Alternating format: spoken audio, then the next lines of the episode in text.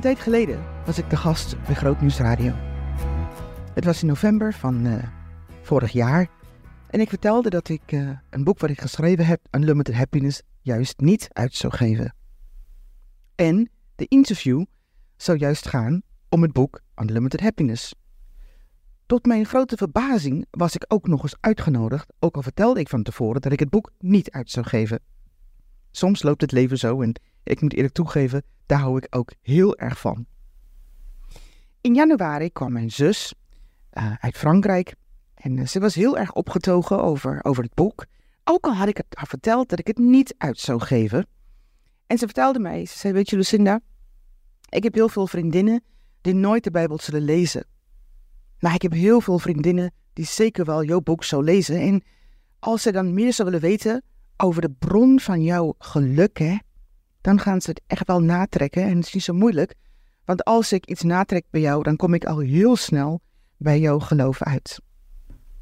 En ik moet eerlijk toegeven, voor dat soort dingen ben ik wel heel gevoelig. Want ik denk, als er iets is wat ik in mijn leven doe, waar ik mensen iets kan laten zien van wie God is, dan wil ik die gelegenheid nooit laten lopen. Want ik weet dat het soms wel in een hele kleine hoekje kan zitten. Dat het soms wel echt in kleine dingen kan schuilen. Dat ik, dat ik iets lees of iets hoor van iemand en dat maakt mij nieuwsgierig. En natuurlijk heb ik een lang gesprek met God gehad na het gesprek met mijn zus. En ik moet eerlijk toegeven, ik vind het, ik vind het steeds een, een beter idee worden. Weet je, we leven in een, in een tijd waarbij zoveel leugens geschreven wordt. Waarbij mensen denken dat uh, door een nieuwe auto of een nieuwe baan of een nieuwe vrouw of een uh, um, nieuwe spullen of een nieuwe reis of uh, een nieuwe auto, dat ze daar gelukkig van worden. Ook christenen doen dat, denken dat, leven dat. Maar dat is natuurlijk niet waar. Daar zijn we ook niet voor geroepen.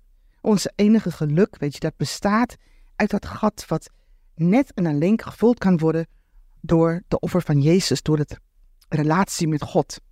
En het maakt niet uit hoe je het went of keert, hoeveel geld je hebt, hoe arm je bent, hoeveel bezit je hebt. Niks kan dat gat vullen als God daar niet, ja, dat, als, God dat niet vult. En God wil dat gat vullen, weet je wel. Hij wil dat iedere dag bij jou vullen. Dus ik ben, uh, ik ben natuurlijk wel diep aan het nadenken. En ik, ik geniet ook inmiddels van wat er ontstaan. Want binnenkort spreek ik op de carrièrebeurs in, eh, in de Rij in Amsterdam. En toen ze aan mij vroegen hoe zou je workshop heten, Lucinda, zei ik van werkgeluk naar levensgeluk. En in dat levensgeluk kan ik natuurlijk niet anders dan iets vertellen over de schepper, over onze God, over hoe ik dat beleef.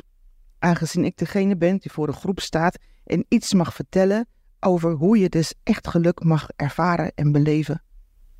En ja, dan ga ik natuurlijk niet zwaaien met de Bijbel, waar 66 van de mooiste boeken ooit geschreven is, in bestaat. Maar ik mag iets vertellen over die God. Ik mag iets vertellen over de bron van mijn geluk en van mijn levenshappiness.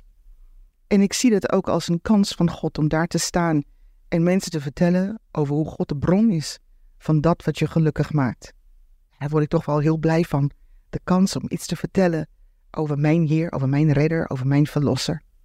Misschien zal ik het niet zo zeggen, maar ik ga hem wel zeggen dat Hij de enige is die de geluk kan brengen die wij zo allemaal enorm naar snakken.